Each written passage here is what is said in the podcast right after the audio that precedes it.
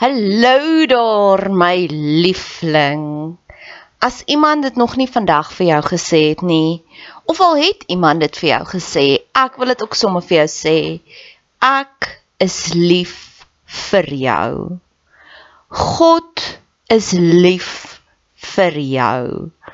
Die feit dat jy hierdie pot gooi luister, beteken dit God het groot planne vir jou en hy wil hê jy moet verder dink en groter dink. Hy is lief vir jou. Jou Skepper, die een wat jou gemaak het, die een wat jou die mees intiemste ken, hoor jou skree die Harry daar saam om saam te stem. Hulle sê ja. Hy is lief vir jou. As jy so 'n bietjie love deprived is, bid ek vir jou dat God oomblik tot oomblik vir jou wys hoe lief is hy vir jou. Dis hoekom al die van of al die briewe begin met soveel joy in die Bybel, nê? Nee? Gaan lees bietjie daardeur. Um Johannes skryf, ek hoop dat jou siel 'n skat ryk. Judas skryf, is nou Judas wat hy skryf, liefde is op pad. En ek dink is ook Judas wat praat van mag alles binne in jou jubel van blydskap want God is so amazing. En weet jy hoekom skryf hulle dit? Want hulle het dit ervaar en dit is soos daai liedjie I can't keep keep it in I have to get it out. En dis my seëning vir jou. Al hierdie verhoogde emosies wat ek ervaar, mag jy dit ook ervaar want ek weet hoe voel dit om daaronder te wees en dood te wees binnekant maar ek weet ook hoe voel dit om te vlieg soos 'n arend. Mag jy dit vandag ervaar. Dankie dat jy tyd spandeer op my kanaal. Dankie dat jy jou kosbare tyd investeer. Maak kontak. Ek love dit om van julle te hoor. Niks gee vir my soveel joy soos om te sê 'n boodskap neem. Ek is op al die platforms, Instagram, Facebook. Stuur vir my 'n Facebook boodskap, Bet Seber en ek stuur sommer vir jou my selfoonnommer. Laastens, as jy wil betrokke raak, asseblief doen. Ek het altyd hulp nodig. Hulp nodig aan bemarking, hulp nodig as jy van jou tyd wil investeer in koninkrykswerk. Jy hoef nie net pannekoeke te bak by die kerk bazaar om koninkrykswerk te doen. Jy hoef nie net soos jy Jehovah getuies gaan klop aan deur om te sê wil jy deel word nie. Daar's soveel meer maniere. Geniet die podcast. Dis 3 minute. As jy as jy dit een keer geluister het en jy wil dit elke keer forward, ek gaan jou eer 3 minute. Oorlogstyd, 'n opsomming, bestudering van al die oorloë in die Bybel wat ek nou wil bid vir daai oorwinning. Ek het gedink om Braveheart se liedjie te speel vir my vir 'n intro. en dalk sal ek dit nou nou speel.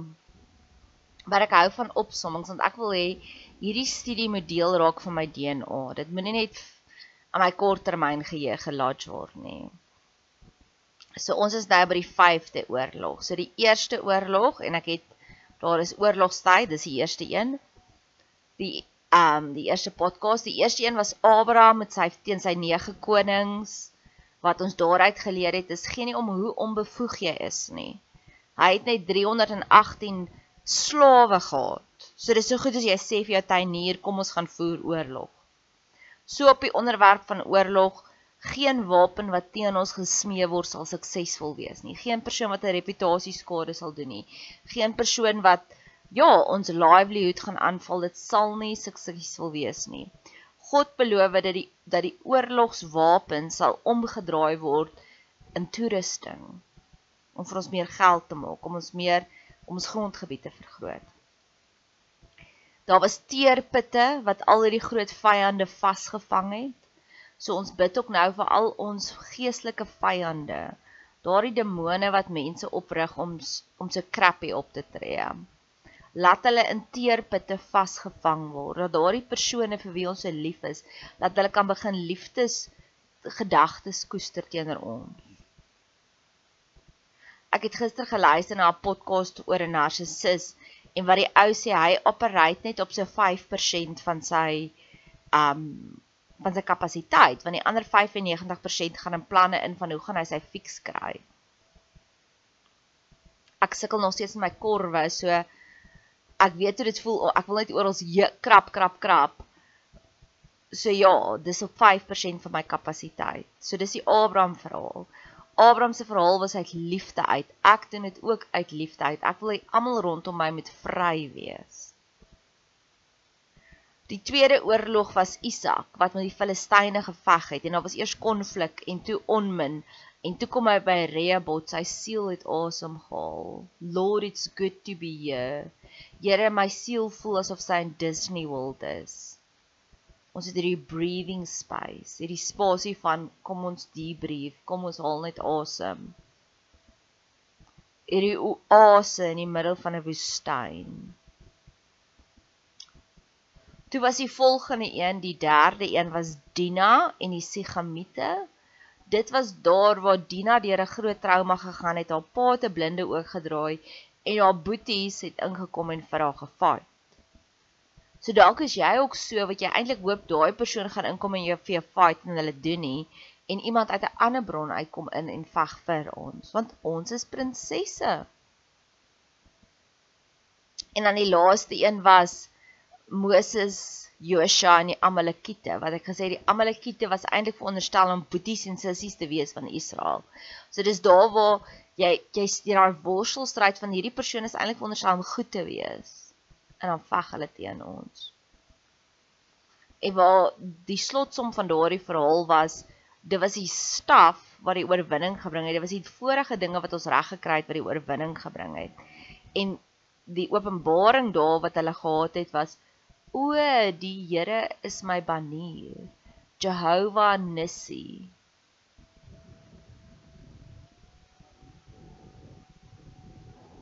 So oorlog nommer 5, Numeri 21 is regtig 'n amazing stukkie. Toe die Kanaaniet, die koning van Arad wat in Suidland gewoon het, hoor dat Israel met die pad van Atarem kom, het hy teen Israel geveg en sommige van hulle as gevangenes weggevoer. Daarop het Israel aan die Here 'n gelofte gedoen en gesê: As U hierdie volk heeltemal in my hand gee, sal ek tot sal ek hulle stede met die banvloek tref. En die Here het gehoor na die stem van Israel en die Kanaaniete oorgegee. En hy het in en hy het hulle en hul stede met die banvloek banvloek getref en die plek Horma genoem. So dit is daai totaal en alle oorwinning. En ek het nou al gepraat van die staf, Moses se staf wat vir ons sê die vorige aksies wat jy gedoen het om oorwinning te kry, dit is hoe jy nou weer oorwinning gaan kry. Ek het jare terug baie erg aan depressie gelei. En ek het selfmoordgedagtes gehad. En die Here het dit kom vat en dit verwyder. Ek kan nie onthou dat ek regtig vir baie erg daarteen gebid het nie, maar die Here het my absoluut vernuwe. Nou kry ek tye wat dinge my onderkry. Maar weet jy hoe voel dit? Dit voel nie dis nie daai neerslagtigheid nie. Dit is soos o, kan my joy is weg. Maar ons ander dae en dit was verlede week Woensdag. Dis die ironie van dit. Dit het so vinnig gebeur. Wat ek soos wakker, jy weet soos as jy wakker word in 'n slegte by, maar jy weet nie eintlik hoekom as jy in 'n slegte by nie of jy's geïrriteerd, maar jy weet eintlik nie hoekom as jy geïrriteerd nie. Ek kry dit met blydskap. Waar ek het hierdie borrelende blydskap in my en ek kan nie ophou gegil nie en ophou lag nie. Ek is verlief, maar ek weet nie eintlik op wat nie. Dis waar ek meeste van die tyd is. Dan gebeur daar iets sleg. Dan's ek Switserland, dan's ek net neutraal. Dan's ek soos okay, my joy is weg. Ek weet dit sal weer terugkom. Dis okay. Ek weet ek gaan uit iets leer. Dit is regtig vir dis okay. Dis nie meer slagtig nie. En dis so kort. Dis kort periodes wat ek so voel. Ek het vir energie genesing gegaan en ek kan letterlik voel, dit voel soos hoendervleis wat na binnekant toe is. Ek kan voel hoe pomp die energie deur my deur my. En dis ek weet ek is gesond. Daar's nie daar's nie iets wat wat my senuweestelsel moet genees nie. Ek genereer net energie. So dit was depressie. Toe was dit verwerping en eensaamheid wat ek regtig voor gestruggle het daarmee en ek het 'n lang gebed gebid teen verwerping en ek het ook gebid vir nuwe vriende. En die Here het so daai gebede volkome verhoor. Ek sukkel glad nie meer met verwerping nie. Verwerping is nie eens meer in my raamwerk nie. 2 jaar terug het 'n persoon vir week baie lief is probeer selfmoord pleeg en ek het toe nou die gebed teen selfmoord gebid. En sy het later weer deur 'n krisis gegaan. Sy sê vir my, "Tannie, ek het nie eens gedink aan selfmoord nie." So Here, ek weet hoe dit voel as iets volkome genees is. Ek weet hoe dit voel as U inkom as ek bid en U verwyder dit vir altyd vir ewig.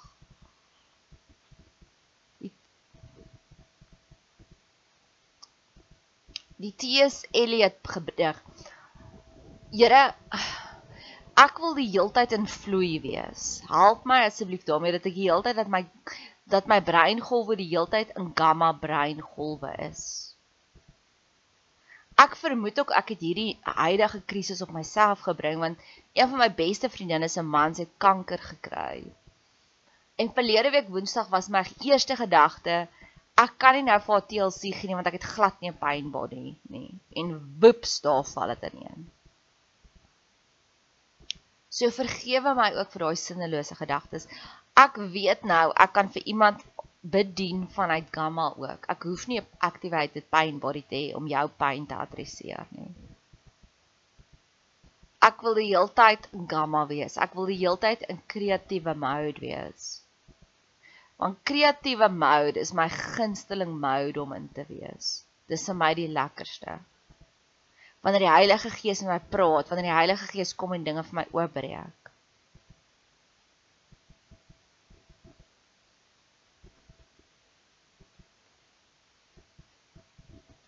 Horma. Horma beteken volkomme oorwinning. Ek weet dat die Here het 'n horma oplossing vir my en vir jou op elke arenas. En dis hierdie gebed, the gift that keeps on giving, die gebed wat ek vir almal gaan sê ek bid vir jou. Met ander woorde, ek gaan vir elkeen nou maar net inslot in hierdie oorlogsgebeure. 'n Horma gebed van nou sien jy hierdie probleem, nou sien jy dit glad nie meer nie.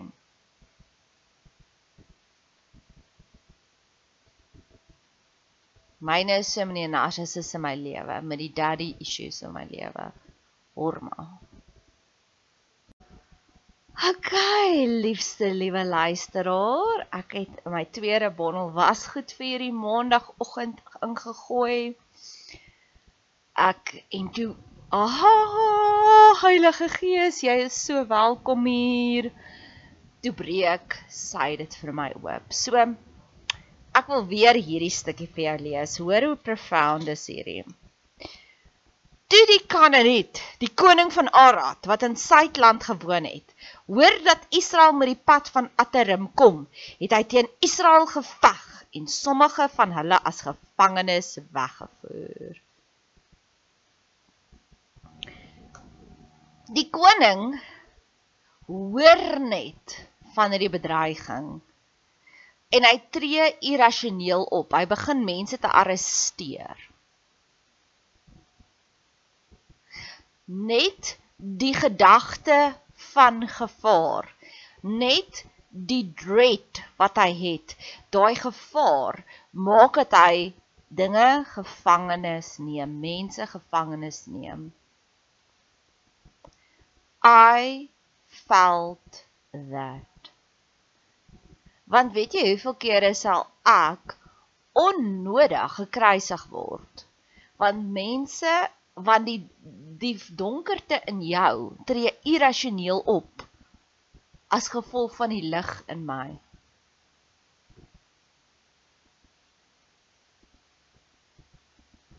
Wanneer mense irrasioneel teenoor jou optree, ek het 'n podcast geluister oor hoekom het Vladimir Putin so geoorreageer met Oekraïne en ons weet nog steeds nie. Maar ek dink daar's gevalle waar mense irrasioneel optree teenoor ons. want die donkerte in hulle, die koning van A die die koning van Arad, hulle sê nie toe die kanne nie, die koning van Arad wat aan die Sabbat gewoon het, hoor dit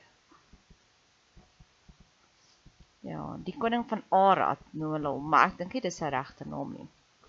Ons sal ek sal nou gaan Google. Dalk is dit die kanne nie binne in hulle wat ooreageer.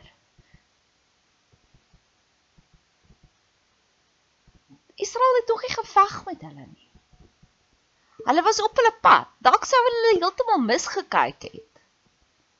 Dalk sou hulle net aangegaan het tralalala. I don't mean you any harm en ewe skielik ooreageer het die koning. I have felt that op soveel verskillende vlakke waar mense totaal en al irrasioneel negatief toksies teenoor my optree. Daar is min dinge wat my so ontsteld maak soos wanneer iemand kies om vindictief teenoor iemand anders op te tree. Ek hoor van 'n kankerdiagnose en ja, dis hartseer. Ek hoor van iemand wat gesterf het. Ja, dis hartseer. Maar dit's 'n ander tipe van hartseer. Dis is dis die lewe, dis okay, dis natuur. Ons gaan in elk geval eendag weer almal kom by ja, my Lord, iewers in die hemel. Everything it's only temporary. Maar wanneer iemand doelgerig op optree om iemand anders seer te maak. Soos Jock Paul wat op die dag wat aanryder ryter voor die Skoppa komitee moes optree, daai artikel vrygestel het. Soos die patriarg in my lewe, die narcissus in my lewe wat verlede week het goed gedink het om my werk te bel om daarson nonsies te maak. Ek kan nie dit begryp nie. My kop fok uit ek sê jammer vir die Frans en ek weet dit is 'n Bybelse podcast, maar dis die woede wat ek voel. En mag ek dit minder woede voel en mag ek dit meer alchemie, alchemie, alchemie. Laat ek dit prosesseer om te sê, "Aha! Dis net omdat die lig so sterk is in my, laat jy so ooreageer." Tada! I'm awesome.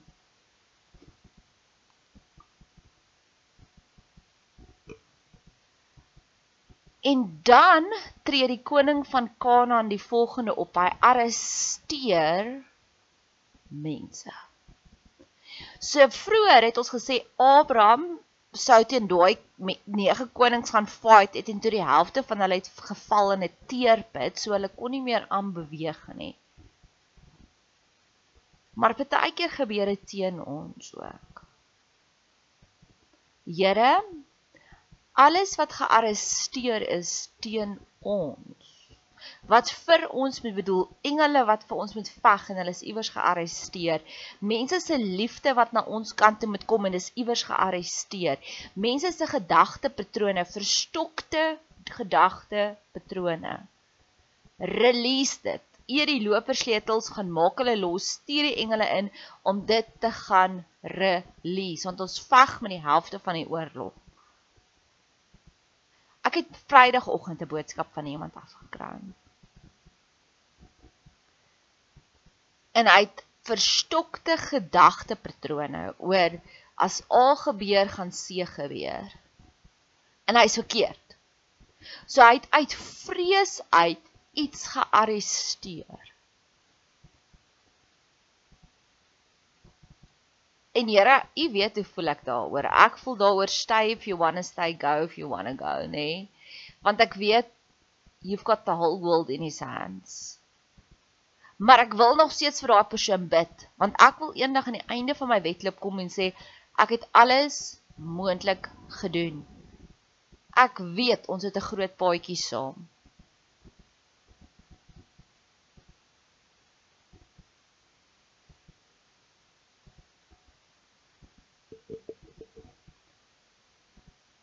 Dinge wat toegesluit is. Verstokte gedagtepatrone.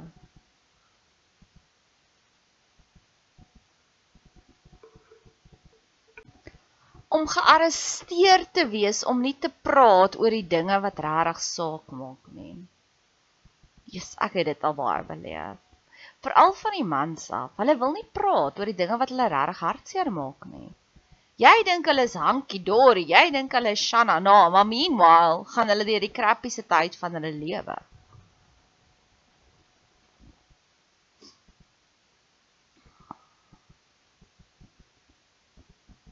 Praat met ons. Praat met ons die vrouens in ons in jou lewe dit gee vir ons joy as ons daar kan wees vir iemand. Ons gaan jou nie veroordeel nie. Here, maak asseblief daai tonge los. Laat hulle praat oor die dinge wat hulle regtig opset.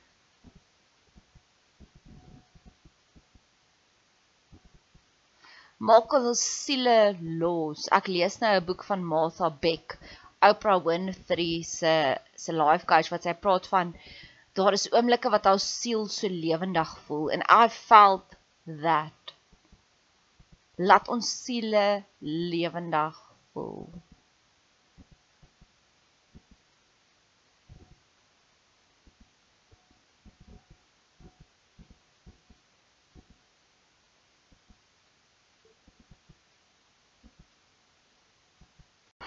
So 'n kantnoot, al partykeer vra mense vir my watse tipe geskenkies wil ek hê. So ek wil net graag hierdie volgende by jou submit.